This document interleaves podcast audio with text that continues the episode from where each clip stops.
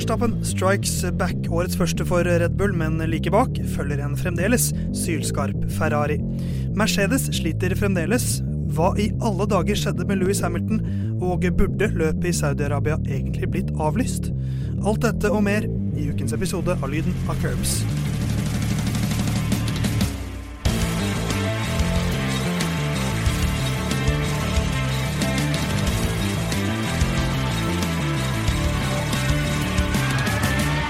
Der var vi jaggu tilbake den femte episoden av Lyden av Curbs, Radio Nova sitt eget Formel 1-program. Theis Magelsen er fortsatt mitt navn. Jeg sitter fortsatt bak spak og klaff i studio her på Majorstua. Eh, og ved min side så sitter blant annet eh, du, Jon Halvdan Halvorsen.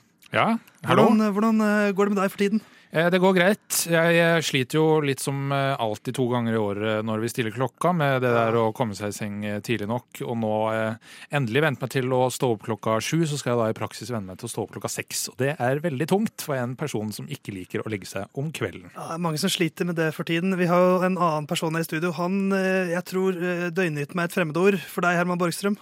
Ja, det stemmer. Jeg forholder meg ikke til klokka. Jeg legger meg mer når jeg vil.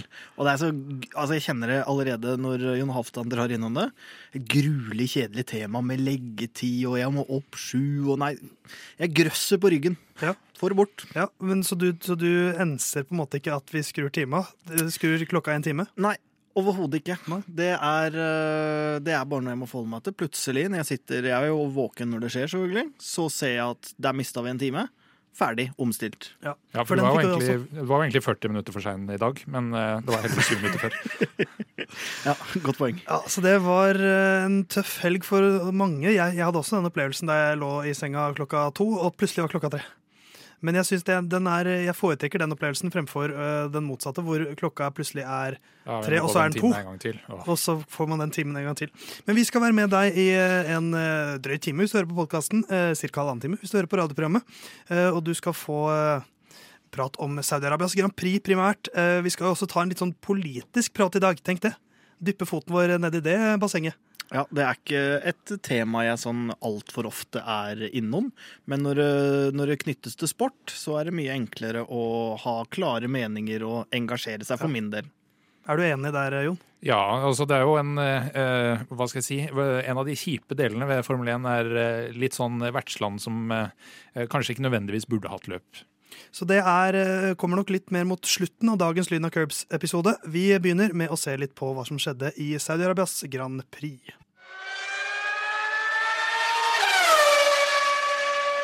For vi skal begynne på eh, materien som vi bryr oss mest om her i Lyden av Curbs. Formel 1. Det har vært Formel 1-løp denne helgen i Saudi-Arabia. Og forrige uke så begynte vi jo med et eh, grensesprengende nytt konsept her i Lyden av Curbs, hvor vi oppsummerer hvert Formel 1-løp på eh, ett minutt. Og jeg var først ute i ilden forrige uke. Jeg gjorde det på 1 minutt og 23 sekunder. Det gikk ikke så bra. Ikke veldig bra. Nei. Nei, det var veldig Jeg prøver å slenge det her ut i sosiale medier òg. Det ble et mareritt. Skal vi legge det som reels? Skal vi legge det som post? Altså, jeg klarte nesten ikke å behandle de 1.23 Så Nei. det Jeg legger meg flat. Vi skal da ha en slags løpende konkurranse her i Lyden av Curbs, hvor vi eh, lar denne oppgaven gå eh, på rotasjon. Eh, og jeg er nå 23 eh, sekunder i pluss. For hvert sekund man da bommer med på ett minutt, det er idealtid rett og slett på ett minutt, så legges det sammen. Og gjennom sesongen så får vi se hvem som er best på å time, og hvem som er best på å oppsummere. Så jeg er nå 23 sekunder unna. Jon, det er du som har oppgaven i dag. Ja. Og du har da fått en oppgave som er å oppsummere Saudi-Arabias Grand Prix på ett minutt. Og er du klar, Jeg er klar. så skal jeg ta tiden. Ja. Og da sier jeg klar, ferdig, gå. Løpshelgen i Saudi-Arabia var et fyrverkeri som starta allerede fredag, da Formel 1s hovedsponsor Aramco ble utsatt for et missilangrep. Vår mann i Formel 2, Dennis Hauger, ble fradømt en løpseier i sprintløpet og kjørte seg opp til sjetteplass i featureløpet. I Formel 1 bød kvalifiseringa på flere sjokk da Hamilton røk ut i Q1 og bilen til Schumacher ble delt i to i Q2. Sjokkartet var det også da Perez satte rekord for føreren med flest gjennomførte løp før sin første pole position. Etter en god start mista Perez ledelsen etter at Latifi skapte en safety car da han gikk tom for talent og kjørte i veggen. Hamilton mista syv plasser senere i løpet da Alonso sin bil gikk tom for kjøling, og Ricardo sin bil gikk tom for motorkraft og sperra innkjøringa til pit. De siste syv rundene lekte Verstappen og Leclerc nei etter deg på vei inn i DRS-sona. Den leken vant til slutt Verstappen, som kjørte i mål fem tideler foran Leclerc. Hamilton måtte dobbeltsjekke om tiendeplass faktisk ga poeng, og arrangøren viste respekt til Aramco ved å feire målgangen med fyrverkeri. Og der er vi i mål, og Jonathan, da er du sikkert veldig nysgjerrig på tiden din. Ja, jeg er veldig spent. Det var ikke helt perfekt, men det var jaggu mye bedre enn meg. Du gjorde det på 57 sekunder. Oh. Så du var tre sekunder unna, så da har Jon tre sekunder i sekken, og jeg har 23 sekunder i sekken. Herman, din tur neste uke. Ja, Det blir jo for så vidt ikke så veldig mye å oppsummere neste uke, så jeg kan jo bare telle egentlig til 60, da, hvis ikke du mente at det var neste, etter neste løp igjen, da. Det var det jeg mente. Ja, jeg med. Men eh, Jon, vel løst eh, og eh, vel blåst, Jo, takk. som man sier. Jeg har fått, eh, for- øvrig fått tilbakemelding på at det går så fort, i hvert fall med deg, Theis, at eh, det var liksom ikke så veldig mye til oppsummering. Nei. Så kan jo faktisk liksom ta noen av høydepunktene en gang til, på en måte. Altså at det var, Ja, ja, ja. Hva, hva, var key takeaways her, sånn at ikke man bare får det komprimerte 57 sekundene. Jeg tenker vi kan begynne med toppen. Eh, Etter kvalifiseringen så var det jo Sergio Perez som var best, foran Charles Leclerc, eh, Carlos Sainz og Max Verstappen. Louis Hamilton røyk i Q1 og startet da fra P15, ble det da til slutt, eh, men kvalifiserte P16. Um, Jeg foreslår at vi begynner med de beste, jeg. Eh, Sergio Perez fikk eh, for første gang starte fra beste startposisjon. Kom seg godt i gang, men så var han meget uheldig med en safety car. Og han hadde vel kanskje vunnet dette løpet, hadde det ikke vært for den safety-karen. Det hører jo med til, til historien. Altså For det første så er det jo ganske overraskende at han utkvaler Verstappen i samme bil. Definitivt. Det tror, tror jeg ikke så veldig mange hadde sett for seg på, på den banen her, og at det skulle skje nesten i det hele tatt. Det virka nesten litt som utopi fra fjoråret. Eh, Og så hører jo med til historien at det blir et taktisk spill eh, hva angår pit mellom Ferrari og Red Bull, i hvert fall tilsynelatende. For eh, Ferrari er jo veldig tydelig på at de skal ha Leclerc inn. eh, Og sånn, for min del, når jeg sitter der og hører, det er veldig lett å si i etterkant, da, så høres det jo veldig sånn åpenbart ut at de stager det for å prøve å få Red Bull til å gå inn det de tror da er samtidig. For det er sånn der eh, let's, let's box for undercut, let bo let's box for undercut, shall, shall we box now? Veldig sånn der. Litt for åpenbar bløff. ja, jeg, jeg følte at det var litt for åpenbart, og så går jo Perez inn, og så Jeg tror kanskje han kunne tapt løpet på det, faktisk, men så kommer en safety car, som du sier, på veldig ugunstig tidspunkt, eh, som ødelegger løpet fullstendig, da. Ja, jeg tror eh, Altså, de hadde oppriktig gått inn. Altså, det var pit og eh, opposite uh, Peres. Så hvis Peres ikke hadde gått inn, så hadde Leclerc gått inn. Og da hadde han vært eh, utsatt for undercut. Og hvis alle kort hadde vært delt likt, så hadde da Leclerc sannsynligvis vært den som kjørte ut på fjerdeplass uh, etter safety car. Eh, Så eh, jeg, jeg tror de hadde pitta uansett. Eh, Nå ble det jo selvfølgelig Nå er det jo bare eh, hypoteser eh, og eh, hvordan ting faktisk hadde endt opp. Men altså, så usannsynlig uheldig Peres er der med den safety caren. Og det er måten Latifi krasjer på, er, eh, det er eh, overstyring som han eh, korrigerer inn i veggen. Så det er litt, litt for dårlig sånn håndverk på hvordan han endte opp kjørende ut i siste sving der. Ja, og så blir det jo slik som det ble i Abu Dhabi i fjor. Latifi krasjer, Max vinner VM. Latifi krasjer, Max vinner Saudi-Arabias Grand Prix. Um, men hvis vi, for å bare ta Red Bull-diskusjonen fullt ut Perez slår jo Max Verstappen i Q1, Q2 og Q3, og i Q3 med ganske god margin, to og et halvt tidel. Og Max nede på fjerdeplass. Dette var eh, litt overraskende. Ja, Jeg tror Verstappen eh, slet med noe av det samme som Hamilton med å få eh, dekka inn i riktig vindu. Nå sa også Perez om den pole position-runda si at eh, han kunne gjort det tusen ganger til, og han hadde ikke fått til en like god runde. Så det var en, Han følte liksom alt klikka den, den runden. Så om man ikke nødvendigvis skal ta noe bort fra uh, Perez, annet enn å si at det var en sinnssyk runde. Og så uh, Verstappen litt under pari, men eh, utrolig godt jobba av Perez. Jeg er jo faktisk litt skuffa over eh, verdensmesteren fra i fjor. Uh, Syns han sånn taktisk har kommet litt dårligere fra det enn eh, Charles Leclerc eh, på Du kan monegaskisk, ja, du, ja eller fransk, som det heter. flytende. Eh, Jeg syns han har kommet litt dårligere ut av de duellene mot han. Jeg syns taktisk sånn, eh, og, og strategisk at uh, Monegasken har utklassa Verstappen på de to første løpa, vel å merke.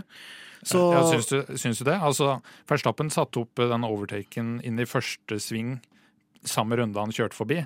Ved å eh, kjøre med DRS ligge litt på innsida, sånn at Peres, nei, eh, Leclerc ikke får en god Første gang så prøver han seg jo der det ikke er mulig, og så kommer Leclerc Ja, det, det, forbi igjen. det var for å teste. Ja, Funker ja, det her? men det, han gjorde jo det samme i Bahrain, og da gikk det jo ikke. Ja, men i Bahrain der er det eh, eh, diskusjon mellom han og GP, altså eh, Jean-Pierre Lambias, som er eh, hans race engineer, at han hadde ikke klart å følge gjennom sving 1 og 2. Så det var inn til sving én eller ikke noe. Ja, jeg syns i hvert fall det er et svakhetstegn i Verstappen sin kjøring mot Charles Leclerc der. Og så vil det selvfølgelig komme mange andre dueller og mye annet som teller inn, men akkurat der syns jeg at eh, Ferrari-føreren har sett hakket sterkere ut på sånn, ikke nødvendigvis linjevalg og det å kjøre bilen raskest, men det også liksom i de kampene, da, én mot én, rett og slett, være liksom det strategisk smarteste akkurat nå, i hvert fall. Og der eh, så, så blei det jo Verstappen som kom seirende ut av det likevel denne gangen, med, med årets første seier. Slår tilbake etter en eh, mekanisk lei slutt på det første løpet. Um, så Verstappen er i gang, men bak så følger jo eh, Ferrari, som eh, kommer seg gjennom alt veldig fint denne gangen og tar en andre- og en tredjeplass med Leclerc og, og Sainz. Det ser, eh, det ser bra ut. altså Nå leder de både De, de leder jo alt. Første- og andreplass i Drivers og klar førsteplass i konstruktørmesterskapet. 40 og 41 poeng ned til Mercedes og Red Bull eh, i konstruktørmesterskapet, og leder jo eh, med 20 poeng foran eh, Max Leclerc da, i eh, førermesterskapet. Så det er jo allerede en eh, viss, eh, viss eh, margin. Eh, så er det jo eh, om det er usannsynlig at de får noe mekanisk trøbbel eller ender opp i et uhell. Altså Leclerc er jo litt utsatt for eh, egne uhell også, så det er jo ikke usannsynlig at han ryker på en eh, DNF, han. Og så er det jo et, et våpenkappløp her hvor eh, bilene skal utvikles også. Der har vel man, flere har spekulert, og Ferrari har vel ytret litt også, at de er litt kanskje bekymret for eh, hvordan utviklingen av bilen blir gjennom sesongen. Og der er kanskje Red Bull og, og Mercedes en, eh, en formidabel motstand, da. Ja, Red Bull er jo vanligvis sterke på det gjennom sesongen. Det er jo også Mercedes, som vi vel skal snakke litt mer om eh, etterpå. Eh, Red Bull har jo kommet nærmest det å løse porpoising. For de er jo, det er ingen som kjører bilen så lavt som noen av de andre, eller som Red Bull. For det er jo, det er jo gnisser rundt hele runda omtrent. Så om Ferrari klarer å kjøre bilen litt lavere, så er det nok mer eh, race pace å hente der også. Men eh, det blir litt spennende å se nå med to uker imellom eh, løpshelg om det kommer mange oppgraderinger før Australia. Jeg er jo helt enig i det med det våpenkappløpet, at det er en, et wildcard her. Og så kan man jo f.eks. tenke seg et lag som McLaren, da, som så veldig dårlig ut i første løpshelg, og som så vesentlig bedre ut nå. Hvis de skulle f.eks. ha samme framgang sesongen gjennom, så ville de plutselig vært et topplag. Nå tror jeg ikke nødvendigvis det, men det er flere lag som på en måte kan komme bakfra her, som Mercedes, som vi er innom f.eks. Er, det- er det kalkulert genialitet de holder på med, eller, er det, eller har de bomma? Så det er jo en del wildcard ennå. Ja. Jeg tror ikke de sandbager. Jeg, jeg, jeg, tror jeg tror ikke det er kalkulert genialitet heller. Nei, De men det, det kan jo være, eh, som, eh, som jeg har tenkt tidligere, at de eh, regner med å bruke noen løpshelger nå på en måte som trening fordi de er overbevist om at det her er den beste, eller for å utvikle bilen, at det tar lengre tid enn det. De trenger mer informasjon, og at de, hvis de har den klart beste bilen fra løpshelg fem, da, for eksempel, så vil de jo kunne vinne VM. Eh, både for førermesterskap og konstruktør. Ja, veldig vanskelig for å se det. Altså, eh, eh, på 70-80-tallet, det var sist vi hadde sånn ground effect-biler. Da var McLaren til stede, Ferrari var til stede, så de kjenner til porpoising-problematikken fra før. Adrian Newey, som er sånn teknologisjef i Red Bull, kjenner også til den problemstillinga, men Mercedes er jo et nyere lag i så måte. Altså, de har bare eksistert siden 2010 eh, og på 1950-tallet. Men eh, de samme folka er der ikke lenger. Så at de kanskje ikke har forutsett eh, porpoising-problemet i like stor grad i forkant, og det å utvikle to nesten helt forskjellige biler fra testing 1 til testing 2, har nok gjort at de har endt litt bakpå. Så de har en del å hente, og det er liksom hovedproblemet de må løse, porpoising. Ja. Eh, For da kan man begynne å eh, eh, løse andre problemer. Og så har du det NoPod-konseptet som Has visstnok har vært innom, men valgte å droppe. Og det er jo litt urovekkende for Mercedes også. Som da handler om at de ikke har så mye kjøtt på siden av eh, beinet, for å si det sånn. Eh, Vi har dyppet tåa nå så vidt inn i Mercedes-diskusjonen. Vi skal eh, fortsette litt mer fokusert på førerne deres, kanskje, etter en liten pause.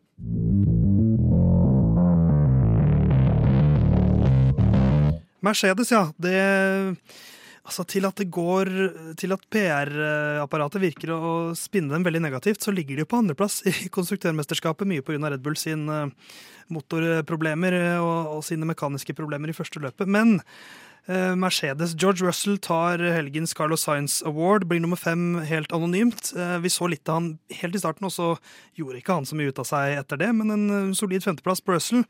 Mens for Louis Hamilton sin del, eh, kvaliken helt ut av det, 16. raskest. Eh, Toto Wolff meldte vel at eh, de prøvde noe med bilen til Louis Hamilton under kvaliken. En litt sånn spesiell eh, innstilling. Funka kanskje ikke helt. Men løpet i seg selv var jo brukbart av, eh, av Hamilton helt til en safety car gjorde det litt mer vrient. Men eh, hva tenker vi om det som skjedde med spesielt Louis Hamilton da, denne helgen? Herman? Altså, Ja. Nei, eh, det er jo eh, for min del, da. Så jeg vil jo ha mest mulig kamp og flest mulig av de toppførerne som man eh, regner med at kan, kan kjempe om VM-tittelen helt oppe der og kjempe sammen. Jeg skulle jo gjerne sett Verstappen, Leclerc og Hamilton duellere i Saudi-Arabia. Ikke Russell, altså?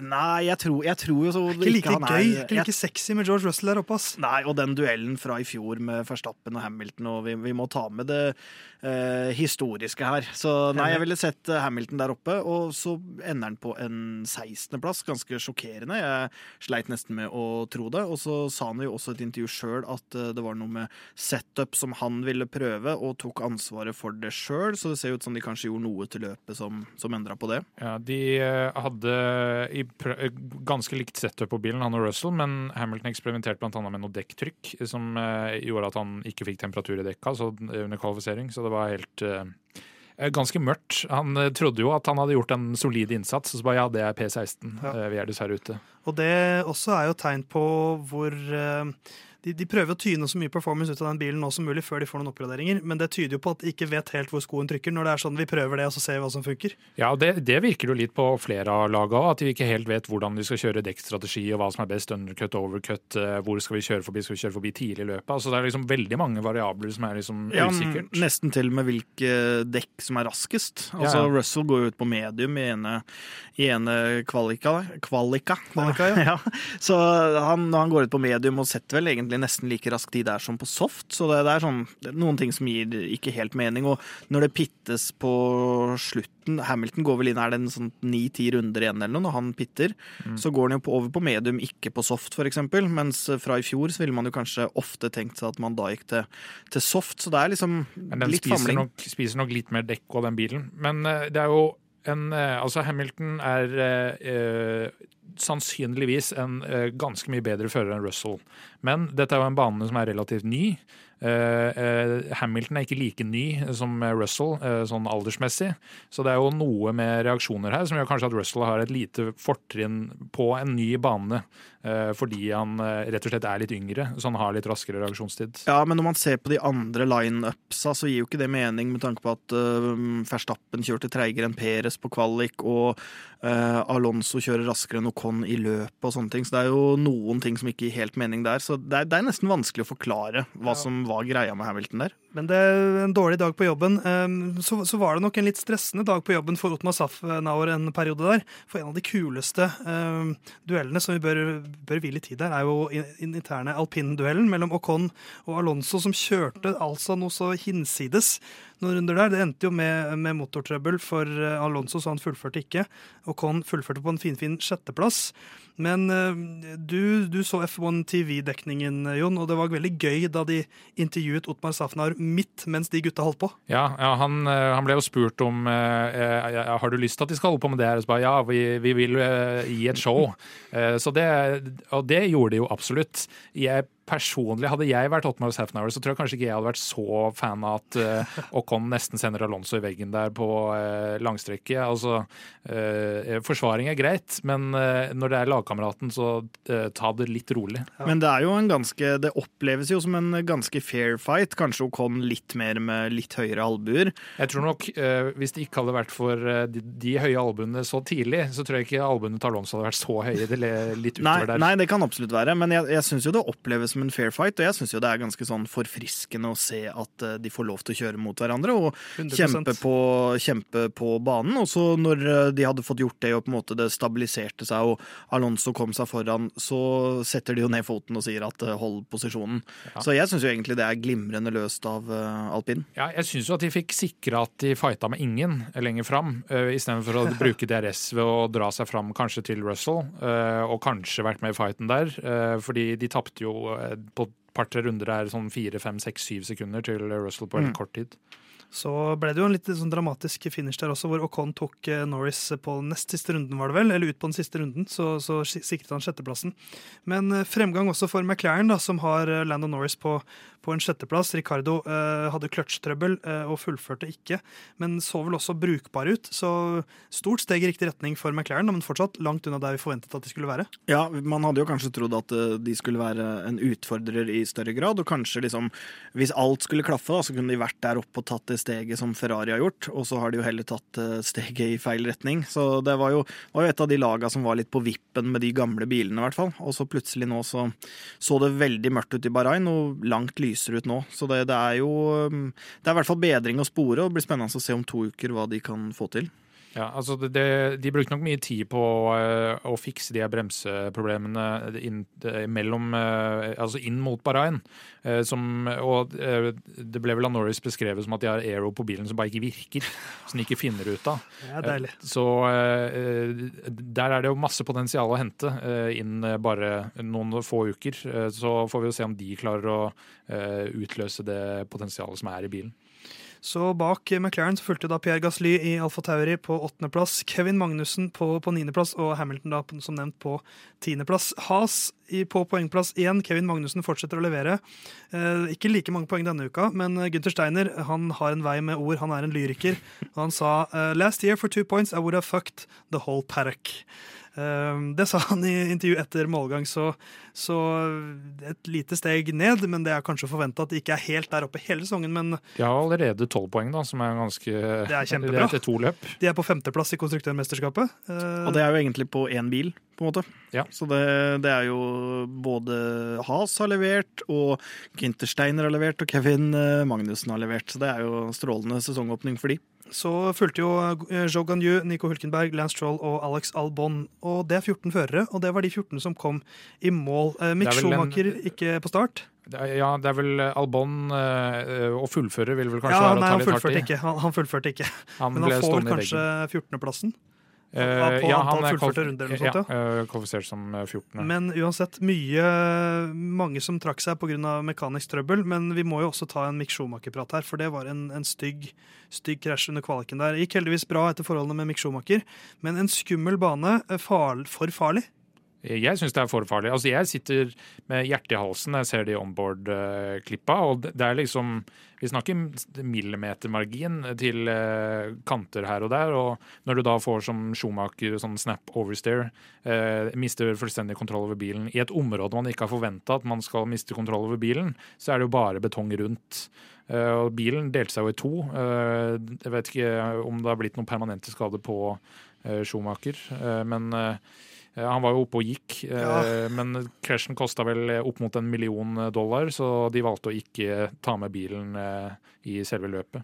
Jeg syns det er vanskelig å si om den banen er for farlig eller ikke. Nå gikk jo løpa egentlig ganske bra, eh, både Formel 2 og, og Formel 1. Og jeg jeg vet ikke, på, på et eller annet tidspunkt så tenker jeg at man liksom må kunne forvente det ytterligere det ypperste av de ytterste. Da. Sånn at liksom de, de som faktisk er i de bilene og som skal være såpass bra, de må kanskje kunne håndtere og kjøre på såpass vanskelige baner òg, men det er klart når det begynner å bli sikkerhetsaspekter og hvor trygge er bilene og sånne ting, sånn, nå virker jo de bilene egentlig ekstremt sikre, da, sånn at han ikke fikk noe skader og var å se på um, i paddocken eh, dagen etter. Altså da, da gikk det jo greit, og ja, jeg, jeg syns kanskje man må kunne stille krav til dem, men hvor grensa går, er vanskelig å si, da. Men nå er det jo en historikk at man ikke gjør endringer før det er dødsfall. eh, Og her har man jo mulighet til å gjøre noen justeringer før det faktisk går så galt. Sånn som i uh, Orouge eh, i Spa, at man har fiksa svingen der etter at Antoine Hubert døde der da han uh, krasja uh, på toppen av bakken. Uh, og sånn har det jo vært. Imola ble jo tatt ut òg etter eh, Senna, så det er,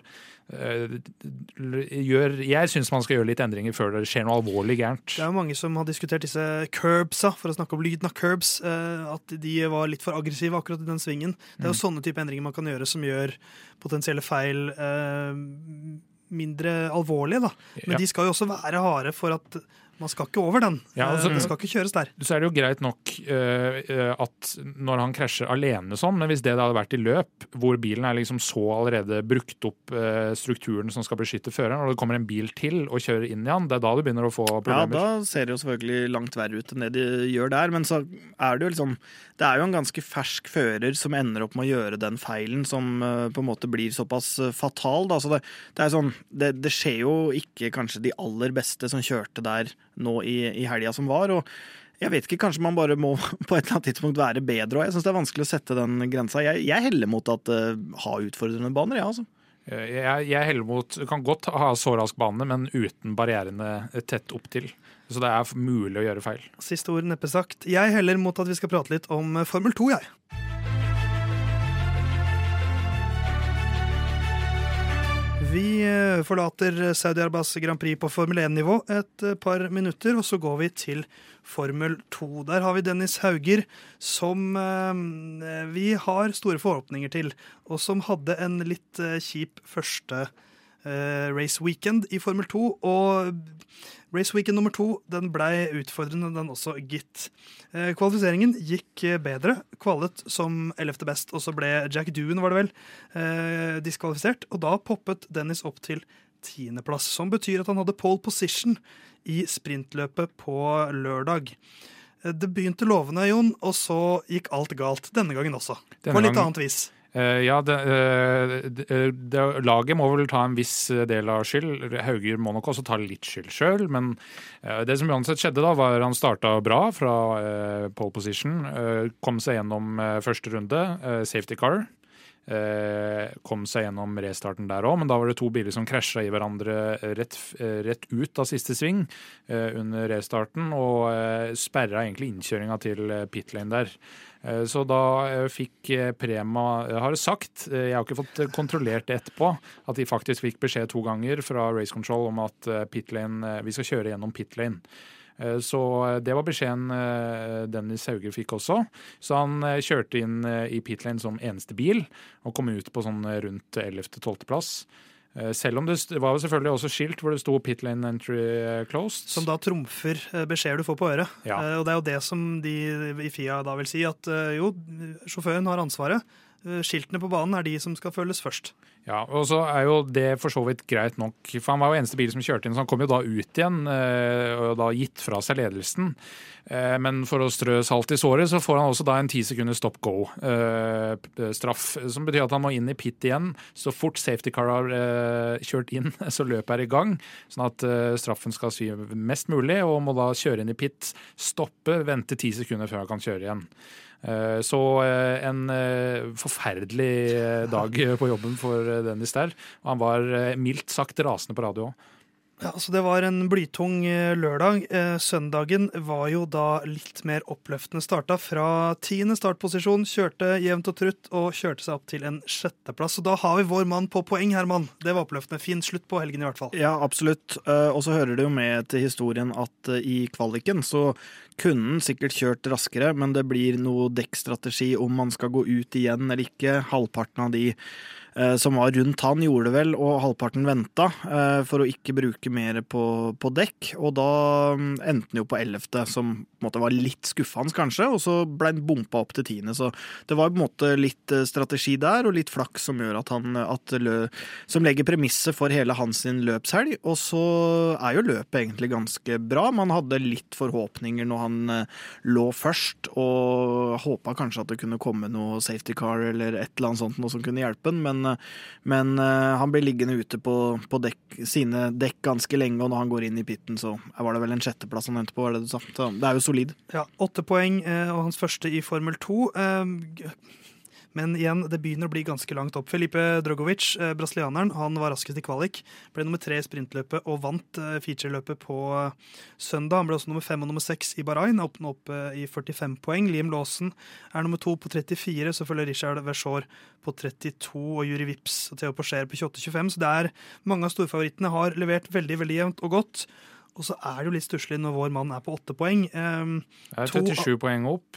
Uh, det er det ene. Og det andre er at det er tolvteplass. Så, så det er mange folk mellom òg. Og det er to av elleve løpshelger. Det er jo da samme, samme løpene hver eneste helg, med et sprintløp og et featureløp. Så det er veldig mange poeng igjen å kjempe for. Men og så vet vi jo at uh, F2- og F3-sesongen ofte er litt mer variasjon. Uh, ikke bare litt mer. Men vi husker jo F3-sesongen til Dennis i fjor. Begynte knallbra. De siste løpene så gikk ganske mye på tverke, og da ble han nesten tatt igjen. Men det hadde en såpass med forsprang at det holdt. Så det er ikke over. Men, men vi er 19% jeg finner henne på det. 18-19% inn i sesongen er vi nå. Ja, Og så er jo, og så syns jeg jo noen av de andre som har Nå ser man jo Det blir jo alltid litt sånn når man ser et løp, så blir det jo hva producer viser oss også, som, som gjør hva, hva, slags inntrykk vi som uh, TV-seere vil sitte igjen med. Men jeg syns jo noen av de andre førerne der også ser bunnsolide ut, da. Han Juri Vips liker ja, jeg godt. Juri Vips er Kult navn også. Ja. Han har uh, Topptempoet hans er altså skyhøyt ja. når han først setter i gang. Gjerne med da litt aggresjon, da, for han klarer å surre seg inn i både det ene og det andre. Men han er, han er rask og uh, rett og slett imponerende. Mm. At, at, ikke DNB har kasta seg på sponsorbanen der, ja. med VIPS. Ja, er, Hvis de vil gjøre det stort i Estland. Ja, da er det jo eh, vi, marked, det estiske. Du får 100 millioner eh, kroner hvis du skifter navn til VIPS med to p-er. Ja. Og det gjør han sikkert, for det uttales jo helt likt. Men, eh, men, det er ikke over, da, Dennis. Og så må vi jo ta med at han kunne fort stått med ti poeng fra det sprintløpet. Da hadde han vært på 18. Eh, og det hjelper jo ikke, men det hjelper litt på selvtilliten, kanskje, hvor han kunne vært. For det har vært mye stang ut, og det dekkproblemene og alt det kaoset som skjedde i Bahrain med bilen som ikke starta, og bla, bla, bla. Så så, så, tror jeg det var veldig viktig med den, den søndagen. Altså, for da fikk han et, et, rent løp på første gang. Og så er det jo uh, løpshelg i, på Imola også om to uker, så det er ikke så lenge til han skal i aksjon igjen. Men avslutta i hvert fall med en liten opptur, og det er fint å ha med seg inn i to ukers pause. Og så tror jeg for hans del at eh, det er klart eh, han må nok vinne Formel 2, i hvert fall være helt oppi der og på en måte kanskje bli felt av noen uhell eller noe sånt noe for å komme opp i Formel 1. Så, så det, måte, han må selvfølgelig levere, men jeg tror for hans framtid så er det vel så viktig å vise at han håndterer på en måte motgang, vise hvordan han kjører i ulike løp når ulike ting oppstår. Altså at han faktisk er en solid fører, da. Eh, for jeg tror det kan være avgjørende om han skal få f.eks. et nytt år i Formel 2, eller om Red Bull ikke vil satse på han lenger, eller at noen da rett og slett liksom begynner å gi han opp. da. Så jeg tror eh, ikke nødvendigvis han må vinne Formel 2 denne sesongen her, men å fortsette å vise at han er der oppe, da. Viktig løp om eh, noen ukers tid i Emilia Romagna, og så er det en ganske lang pause før de skal til Spania. Vi skal følge Dennis Hauger gjennom Formel 2-sesongen i hele 2022.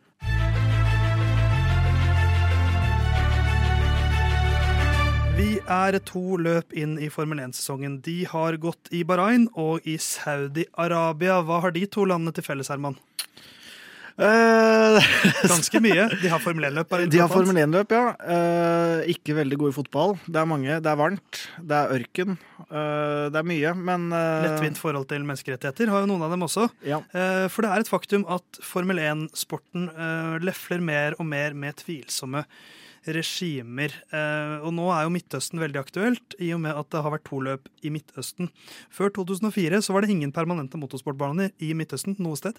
Men i 2004 så kom Bahrain Grand Prix, eh, ble en del av Formel 1-sirkuset. Eh, De forente arabiske emirater fulgte etter i 2009, og der har jo sesongavslutningen gått veldig, veldig, veldig mange ganger nå. Og så er det tre løp nå i årets sesong i Midtøsten, i og med at vi skal til Abu Dhabi i år også. Så ligger Qatar der også og vaker, som en aktuell kandidat. Så det er uh, tre-fire løp da, av eh, Formel 1-kalenderen som uh, er i Midtøsten. Og det ble litt sånn skremmende åpenbart den helgen her hvordan det kan være i virkeligheten. Eh, for det var mange som mente at Saudi-Arabias Grand Prix denne helgen burde blitt avlyst. Eh, på fredag så var det da et oljedepot eh, til Aramco, som er Saudi-Arabias statlig eide oljeselskap, ble angrepet. Det ligger om lag 16 km fra Jeddah-banen, der Formel 1-gutta kjører. Droner og missiler som utløste en stor brann, og det opprørsgruppen Hotier fra Jemen som tok på seg ansvaret. De har også gjort Eh, lignende eh, knyttet til andre motorsportarrangementer tidligere. Eh, så under første, øving, øving, første treningsøkt i helgen så så man mørk røyk i horisonten. Før andre trening så ble det en 15 minutters forsinkelse pga. et møte.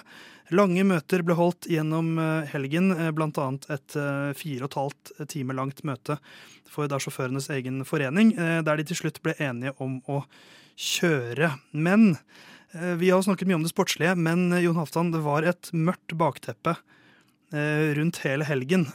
For dette var ikke Det ble plutselig veldig ekte.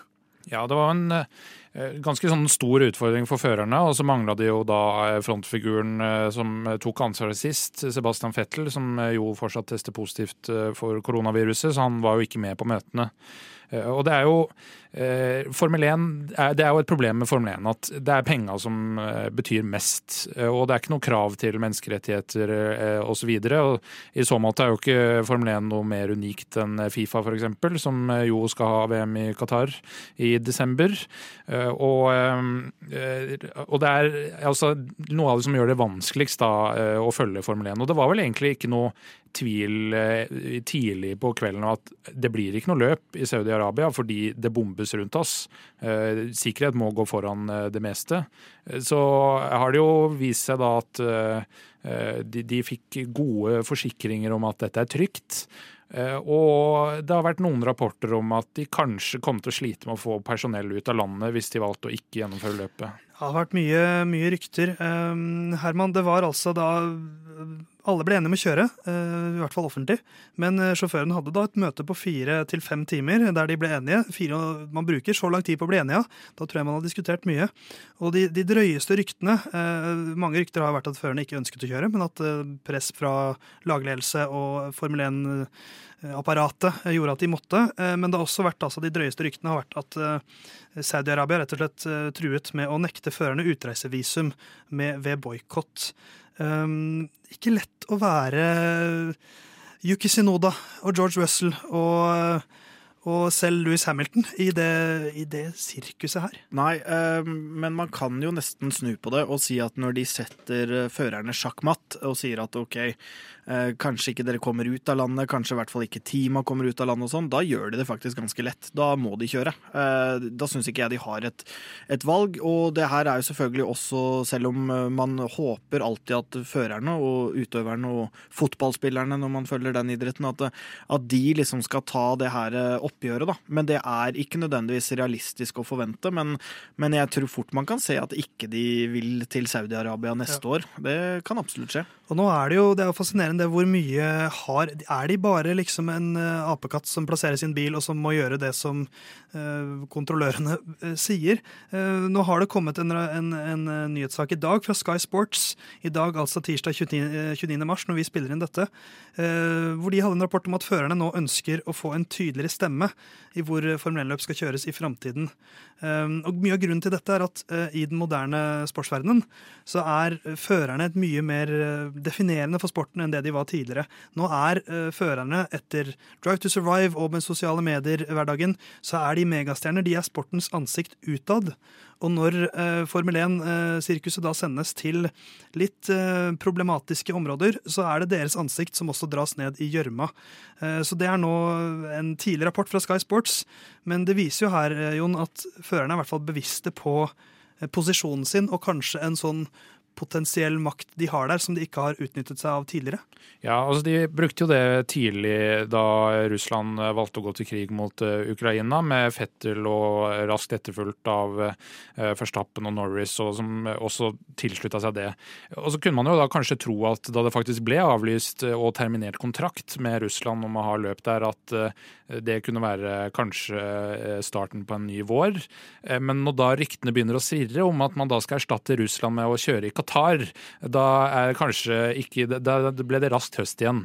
Så at førerne nå ønsker en sterkere stemme og burde bli hørt på det, så er det jo kanskje håp for at man kan kvitte seg litt med land som driver på med sportsvasking gjennom fine lyrshow. Og ja, det er jo fint i Saudi-Arabia, og fyrverkeri og sånn. Fyrverkeri etter Bahrain, altså det er jo fantastisk ja, vi visuelt. Vi driter i om det var mis missilangrep her to dager tidligere, eh, men fyrverkeri, det skal vi ha. Så, ja. så man tar liksom på seg den, de fineste klærne man har, og så er man ræva resten av året. Og det, Jeg syns ikke noe om det, og syns vi bare skal slutte med ja. det. Og så er spørsmålet da hvor, hvor um hvor setter man streken? For som du sa, Jon, de var veldig kjappe med Russland. Da var det liksom med en gang vi, vi kjører ikke der. Så vi har funnet i hvert fall eh, linja, det er krig. Ja, men sånn som Aserbajdsjan, de har vært i væpnet konflikt eh, med Armenia eh, ganske lenge. Eh, der har vi kjørt ganske lenge. Vi, vi, skal til Ungarn, som har en del problematiske ting ved seg. Mm. Vi har vært i Kina ganske mange ganger. Midtøsten er en stor del. Brasil har jo egentlig ikke råd til å ha løp. Brasil har egentlig ikke til å råd til å løpe, og det går i en del av Sao Paulo, er det vel, mm. som er ganske fattig. Så det er liksom Hvor skal man hvor setter man streken, Herman? Hva er, hva er, godt nok? Hvem skal ha lov til å arrangere? Dette er jo et spørsmål ikke bare for Nei. Formel 1, men også for uh, større Altså, Jeg gleder meg jo veldig til neste OL. Uh, etter et OL uh, eh, nå i Kina og i Russland har det vært i siste tiden. For da er det i Paris, og det føles greit. Mm. Men, men hvor, hvor, skal man sette streken? Det er egentlig umulig å, å si, syns jeg. Men når man ser f.eks. et marked da, som Tyskland, Um, som ikke på en måte får ha uh, løp, det virker jo veldig fjernt for min del. de får, ehm, får, ha løp, men de kan ikke stille med nok midler. Nei, rett og slett, men de blir jo ikke De, de kan ha løp, og de, de had, har alt på, på, sin plass sånn sett, men de blir jo utkonkurrert av andre, da, uh, ja. som kan gi mer for det her løpet. og og jeg, det, det, føles veldig feil, og hvor grensa går, det er, det er, så vanskelig å si. Men det er jo sånn som hvis man um, tar det til Eh, og sammenligne med andre idretter òg. Når det bygges f.eks. fotballstadioner i land som vanligvis ikke har uh, noe kapasitet eller noe marked for å, de, å bruke de seinere. Litt sånn blir det jo med, med en racerbane òg, selv om det er litt annerledes. Hvis man har etablerte racerbaner som uh, kunne fungert, hvorfor skal man bygge en ute i ørkenen og sånne ting? Nå er det jo snakk om at de kanskje skulle bygge en ny i Saudi-Arabia, hvis de skal fortsette å kjøre der. Bruke masse penger på det. Man kan til og med dra inn altså, miljøvern i det her her. Altså, det, det, er så vanskelig å sette en grense at Og det er, det er, ikke noen krav om Altså, jeg hadde klart meg fint med 18 runder.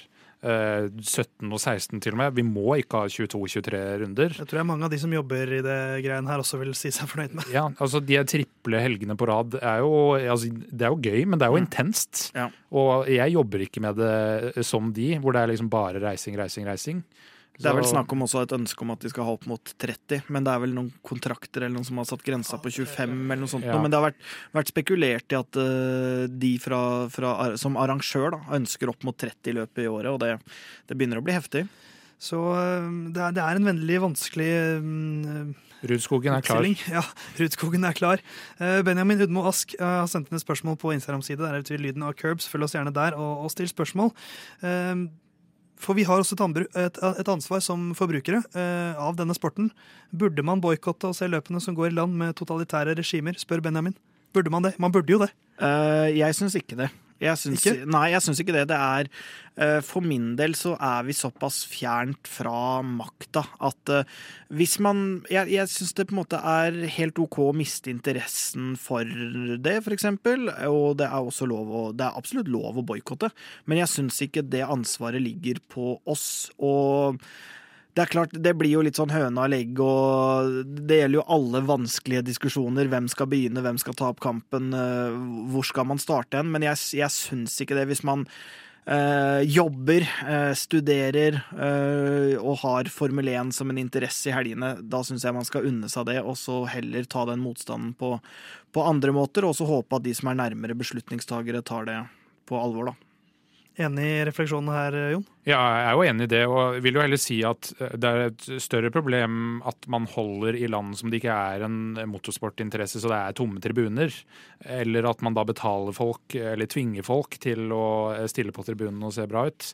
Eh, Så jeg, jeg, jeg, synes, jeg er for så vidt enig med Herman at det er eh, Altså, det er ikke forbudt å ta det eh, standpunktet, men det er jo en del av historien er løpet. Så jeg vil heller at de tar bort løpet, enn at det er opp til meg å ikke få med meg det. Så eh, min oppfordring til uh, Landon Norris, Louis Hamilton, uh, George Russell og alle dere Formel 1-førere som fører på, hører på, foren dere. Dere har mer makt enn dere tror.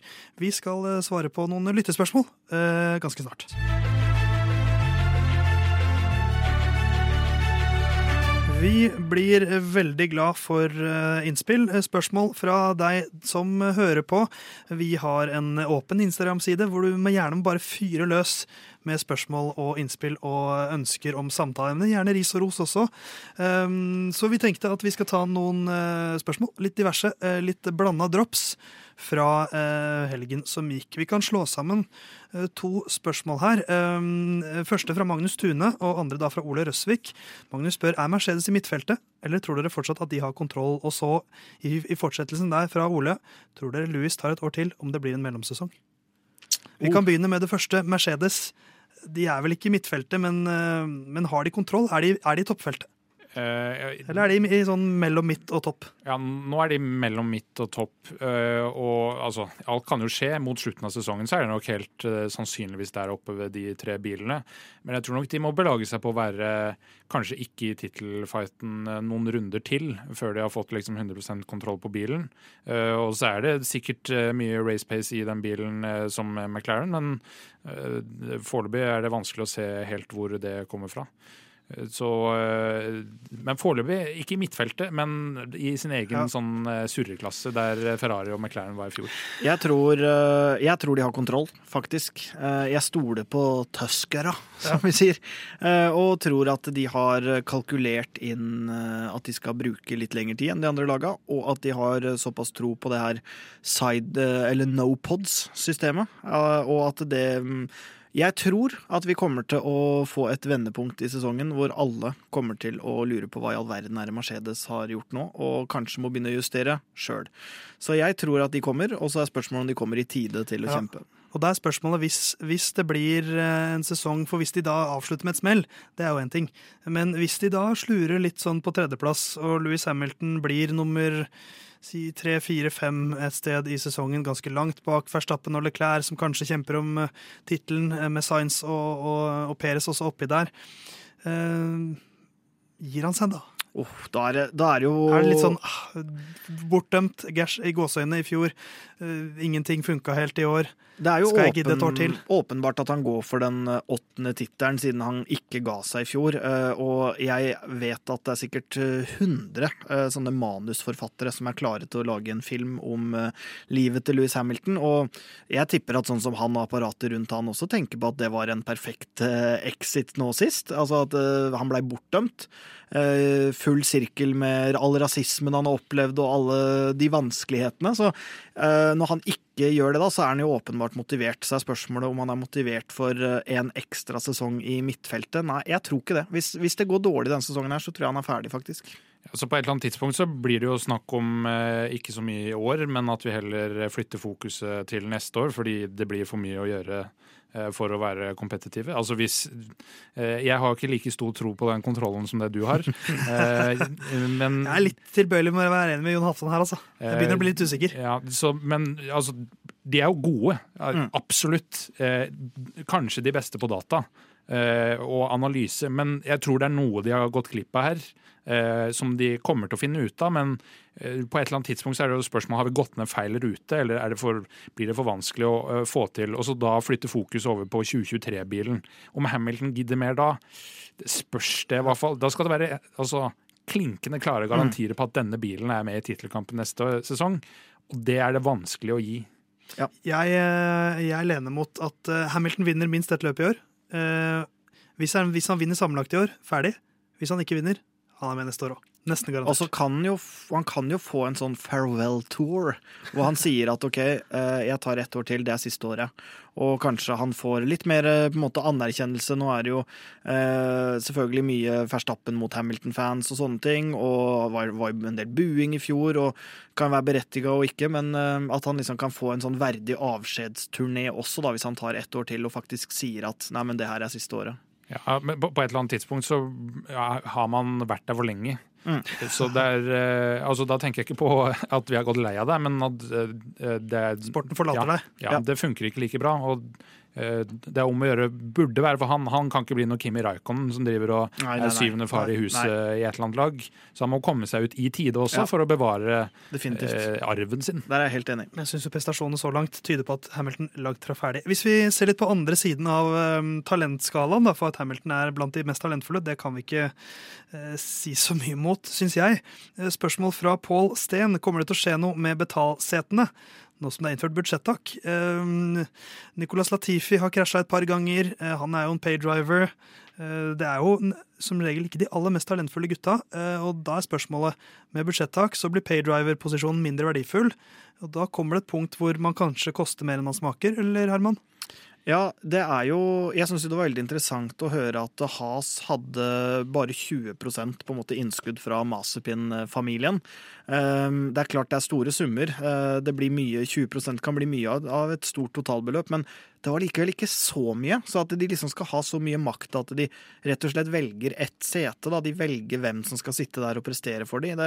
Jeg håper jo litt at det forsvinner etter hvert her. Og jeg syns nesten det er mer sjarmerende med Stroll, som er sånn Det er helt åpenbart uh, fattern som Da har jo du en liten mancrush på Lauren Stroll, da. Ja, far Stroll har jeg litt uh, mancrush på, men det er noe sånn Det er noe deilig sjuerfotball i bygda over at uh, man setter sønnen sin som spiss, altså. Det er sønnen til Sigvaldsen. Han scorer aldri. Han spiller spiss. Ja, På et, på et eller annet tidspunkt så er det liksom for seint å si 'pappa, jeg tror ikke jeg får til det her'. Ja, har det er sant. Det er ingen vei tilbake. Nei, man har kjøpt hele laget, så er det liksom, da er det for seint. Eh, og så- og Schumacher altså Det er få til ingen navn som er så store i Tyskland som Schumacher-navnet. Så han drar jo litt sponsormidler, han også. Mm. Eh, og det han har vist eh, Nå er det jo to løp i sesongen, han har kjørt bare ett av de. Eh, Så han koster has litt, eh, han også. eh, Opp til 1 millioner dollar av et budsjett på totalt 140 millioner dollar. Så eh, det blir nok mindre plass så lenge man når, har nok budsjett til å nå budsjettaket. Hvis, man, hvis det liksom er den eh, Vi må få inn den føreren, så får vi de siste pengene. Da er det plass til den. Men eh, på et eller annet tidspunkt så tror jeg jo at vi kan bli kvitt, kvitt en del, da. Det, jeg, jeg tror nok den eh, definitivt at sånn, sånn som når Has bare Det er jo et tegn i seg selv. Når Masepin forsvinner ut, og de velger å hente inn Kevin Magnussen. Greit han har bitte litt penger, men, men jeg, jeg tipper vi, vi får se mer en slags hva skal man si, kalle det, hybridfører. En som har eh, sånn som uh, Jo, da. Uh, jo Gagnon, som, eh, som appellerer i Kina, men som virker å ha ganske med talent. Ja, så det er jo, Peres er jo, ble jo regna litt som uh, paydriver. Eh, kanskje noe ufortjent, eh, men han er jo kjempestor i Mexico og drar med seg sponsormidler derfra. Men han blei jo, altså, ble jo valgt til fordel for Ocon. Eh, også da spilte jo det inn med sponsormidlene. Han, eh, jeg tror på at han er en bedre fører, men det er jo en sånn ting som klassisk uh, tungen på vektskåla, da. Men, Han, han finner sweet spoten. da. Han Mm. er talentfull nok og drar inn nok penger til at han er bedre enn Ocon. men, men, men han, han redda jo det Racing Point-laget. Ja. Uh, så, så altså, av personlig innsats også. Så at han hadde fortjent den plassen fremfor Ocon, vil jeg jo si. I tillegg til altså En ting er at man har bunntalent, men også penger. Så det er jo en eh, god ting. Kan man også dra med seg midler. Mm. Eh, vi må jo bare håpe at folk bare tar opp masselån hos Lendo, sånn at Dennis Hauge kommer eh, lenger i den sporten her òg. Eh, samtidig som at han er god nok. Vi krysser fingrene for det. Eh, En av våre flinkeste lyttere til å sende inn spørsmål, det er Klaus Holm Fjellro. Vi tar noen Klaus-spørsmål nå, vi. For vår gode venn Klaus har vært flink til å sende inn spørsmål på vår Instagram-side. eh, Gjerne med litt sånn kødden eh, innstilling. Så da tar vi en eh, litt, eh, litt eh, mindre seriøs Ingen, ingen venn av meg, forresten. Ingen venn av Nei, meg. nei, nei, Etter ingen. Formel 1-fadesene vi har hatt online, så er det Ja. ingen venn av meg. Klaus, en vi har spilt en del Formel 1 med uh, online, han har sendt oss noen spørsmål. Uh, rett og slett, uh, hvem ville dere helst hatt som far? Toto Wolff eller Christian Horner? Eh, Toto Wolff, any day. Hvorfor det? her? Nei, han er eh, Jeg syns han er en eh, fryktelig kjekk mann, skal jeg være helt ærlig. Jeg Ja. synes han er en Han er litt hunk. Uh, Han er det, altså. og han Horner, det, det er Han er bunn tre av mennesker jeg kunne tenkt meg å, Å ha som å far? tilbringe noe tid med i det hele tatt. Å ha han som far. Det er nesten mitt verste mareritt. Så den er så enkel, den der. 100-0 til Toto. 100-0 til Toto. Det er en ganske brutal uh, vurdering. Ser du ikke noe i Christian Horn? Han har jo klart å lande en Spice Girl da man har gjort noe riktig. Han har barn som virker å være ganske glad i han. Jeg hadde for Eh, øvrig en katt som var oppkalt etter Gary Halliwell, bare så det er skyte inn. Ginger Ja. Spice. Mm. Ja. Eh, Jeg vil vel si at uh, Toto Wolff er litt mer sånn analytisk i væremåten enn eh, kanskje jeg hadde satt pris på. Ja. At det er eh, ja, her får du to og tre kvart brødskiver, fordi det er det du skal spise i dag. Jonathan. Eh, Så tror jeg kanskje Christian Horner er mer sånn eh, dårlig samvittighet for all den reisinga. Så da kanskje hadde Ja. drypt eh, litt mer sånn materielle goder. Eh, PlayStation 5 hadde du fått med en gang. Ja. Ja. Jeg, jeg ser jo for meg at Hvis jeg hadde gjort det dårlig i matte, for eksempel, så hadde Toto You just have to work harder. Han hadde, han hadde gått, gått for den viben. Den ser jeg. Mens Christian Horner hadde vært med sånn ah, Just ask your mom, eller noe sånt. Han, han, han hadde gitt litt Jeg tror ikke han hadde hjulpet dem med leksene, men han hadde kanskje Vært litt Sagt. mer motiverende. Men- ja, Eller spør au pairen. Men så kommer spør vel, noen eh, andre. kom vel Susie Wolff med på kjøpet her òg. Hun virker jo veldig trivelig i den Ja, Drive to. Ride-serien. Så det er jo Jeg, jeg tar begge Wolfene over uh, Ja. Horner-gjengen, altså. Jeg tror det er 60-40 Horners favør Ja. for min del, altså. Jeg er ganske på Wolf-siden også, for jeg, jeg tror at hvis jeg hadde kommet med litt sånn alvorlige temaer eller vanskelige prater med, med Toto, så hadde han steppa opp. Mens jeg tror Christian Horner bare hadde liksom glist litt og vært sånn ikke, Han hadde ikke gitt meg noe. Han hadde ikke gitt meg det jeg trengte som et lite og usikkert barn. Og så ville man jo aldri nådd opp til hans gullkalv Max. Verstappen. Så du vil jo alltid være nummer to, selv som eh, sønn av eh, Horner. Det er et godt poeng. Jeg hadde slitt veldig med Max. Um, så er jo spørsmålet om Toto hadde vært veldig glad i Esteban. Og kom. Ja, Hans det gudsønn, nærmest. Ja, det er sant. Det er et poeng, men jeg tror fortsatt Nei, nei 100-0, faktisk. For det, er, det er ikke i nærheten Ja. av det forholdet der heller, vet du. Da virker det som Toto Wolff er drømmefaren vår, i hvert fall når vi får valget mellom han og, og Christian Horner. Et annet spørsmål fra Klaus, um, som også handler om å sette folk litt opp mot hverandre. Hvilke to førere hater hverandre mest, og hvem liker hverandre best?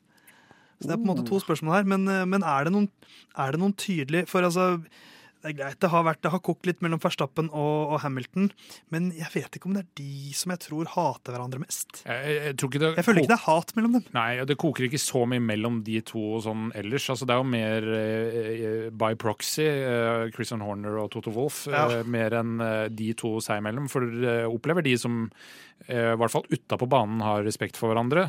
Det er jo to førere som har vært eh, på banen eh, de to siste løpa, som eh, eh, sannsynligvis ikke kommer til å være der sammen eh, de siste. Og de er kanskje de som hater hverandre mest. eh, Nico Hulkenberg og Kevin Magnussen. Men de hadde, de hadde en slags sånn redemption-møte hvor det første Hulkenberg sa at For de har jo en bakhistorie hvor de hadde en skarp duell en gang, og da eh, pratet de foran kamera, eller eh, Magnussen ble vel intervjuet, så kom Hulkenberg bort, og da sa vel Magnussen bare 'suck my balls'.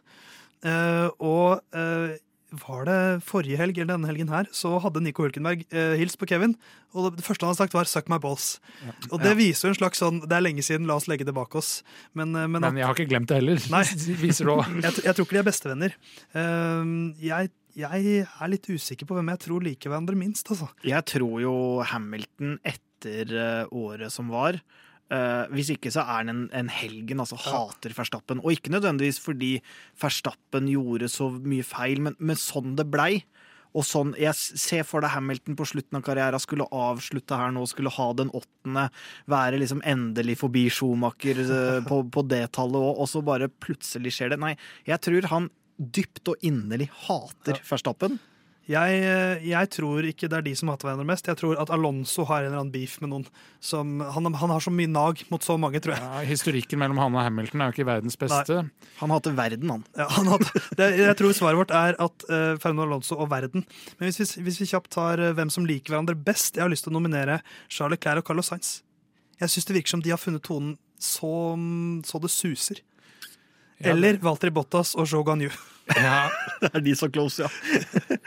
det er lite antageligvis vil føles som et eh, lite wildcard, men eh, Daniel Ricardo og Max Verstappen er veldig gode venner utafor. Jeg vet ikke om du har sett det lille klippet fra Drive to Survive når eh, eh, Russell står og gråter fordi han har eh, gjort, fått poeng for Williams, og i bakgrunnen der så står eh, Verstappen og eh, Ricardo og gliser til hverandre. Og Ricardo blir litt sånn der jenteglis, eh, sånn eh, fnisete når han er rundt Max.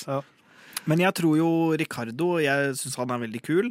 Eh, Men jeg tror ikke nødvendigvis han er så kul å være sånn super-close med.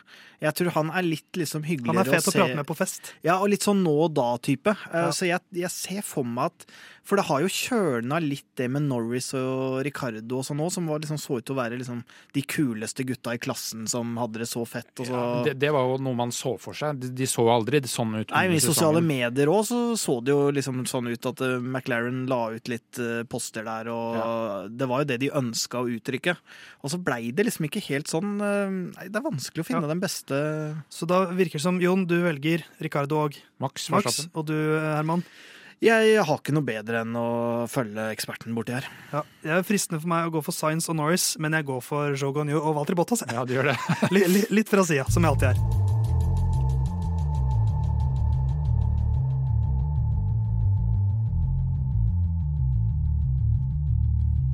Lyden av curbs drar seg mot slutten for denne gang. Australias Grand Prix det er eh, i gang i helgen som følger, ikke nå, men andre helgen i april. Så eh, vi har jo en liten pause nå, Jon, men eh, jeg merker jeg allerede gleder meg til Australia. Godt å være der igjen. Ja, og da er det jo eh, kvalifisering starter klokka åtte om morgenen og løp klokka sju. Eh, Så det kommer jo ikke til å prege sånn resten av dagen. Eh, Sannsynligvis så trenger du ikke rydde noen planer, fordi du, du har ikke lagt noen planer klokka sju om morgenen. Det er noen som må rydde planer for det greiene der, for å komme seg opp til det. Så Ja. lykke til, Herman. Jo, tusen takk. Eh, vi er tilbake neste uke med en ny episode av Lyden av Curbs. Da ser vi fram mot Australias Grand Prix. Følg oss på Instagram. Lyden av Curbs heter vi der. Og hvis du liker det vi gjør, fortell en venn, da. Så får vi flere eh, som kan sende oss tullespørsmål, så er det ikke bare Klaus hver eneste uke. Noen siste eh, ha det-ord? Eh, Ha det, Klaus. Ha det, Klaus. Ha det, Klaus, og ha det til deg som hører på Lyden av Curbs.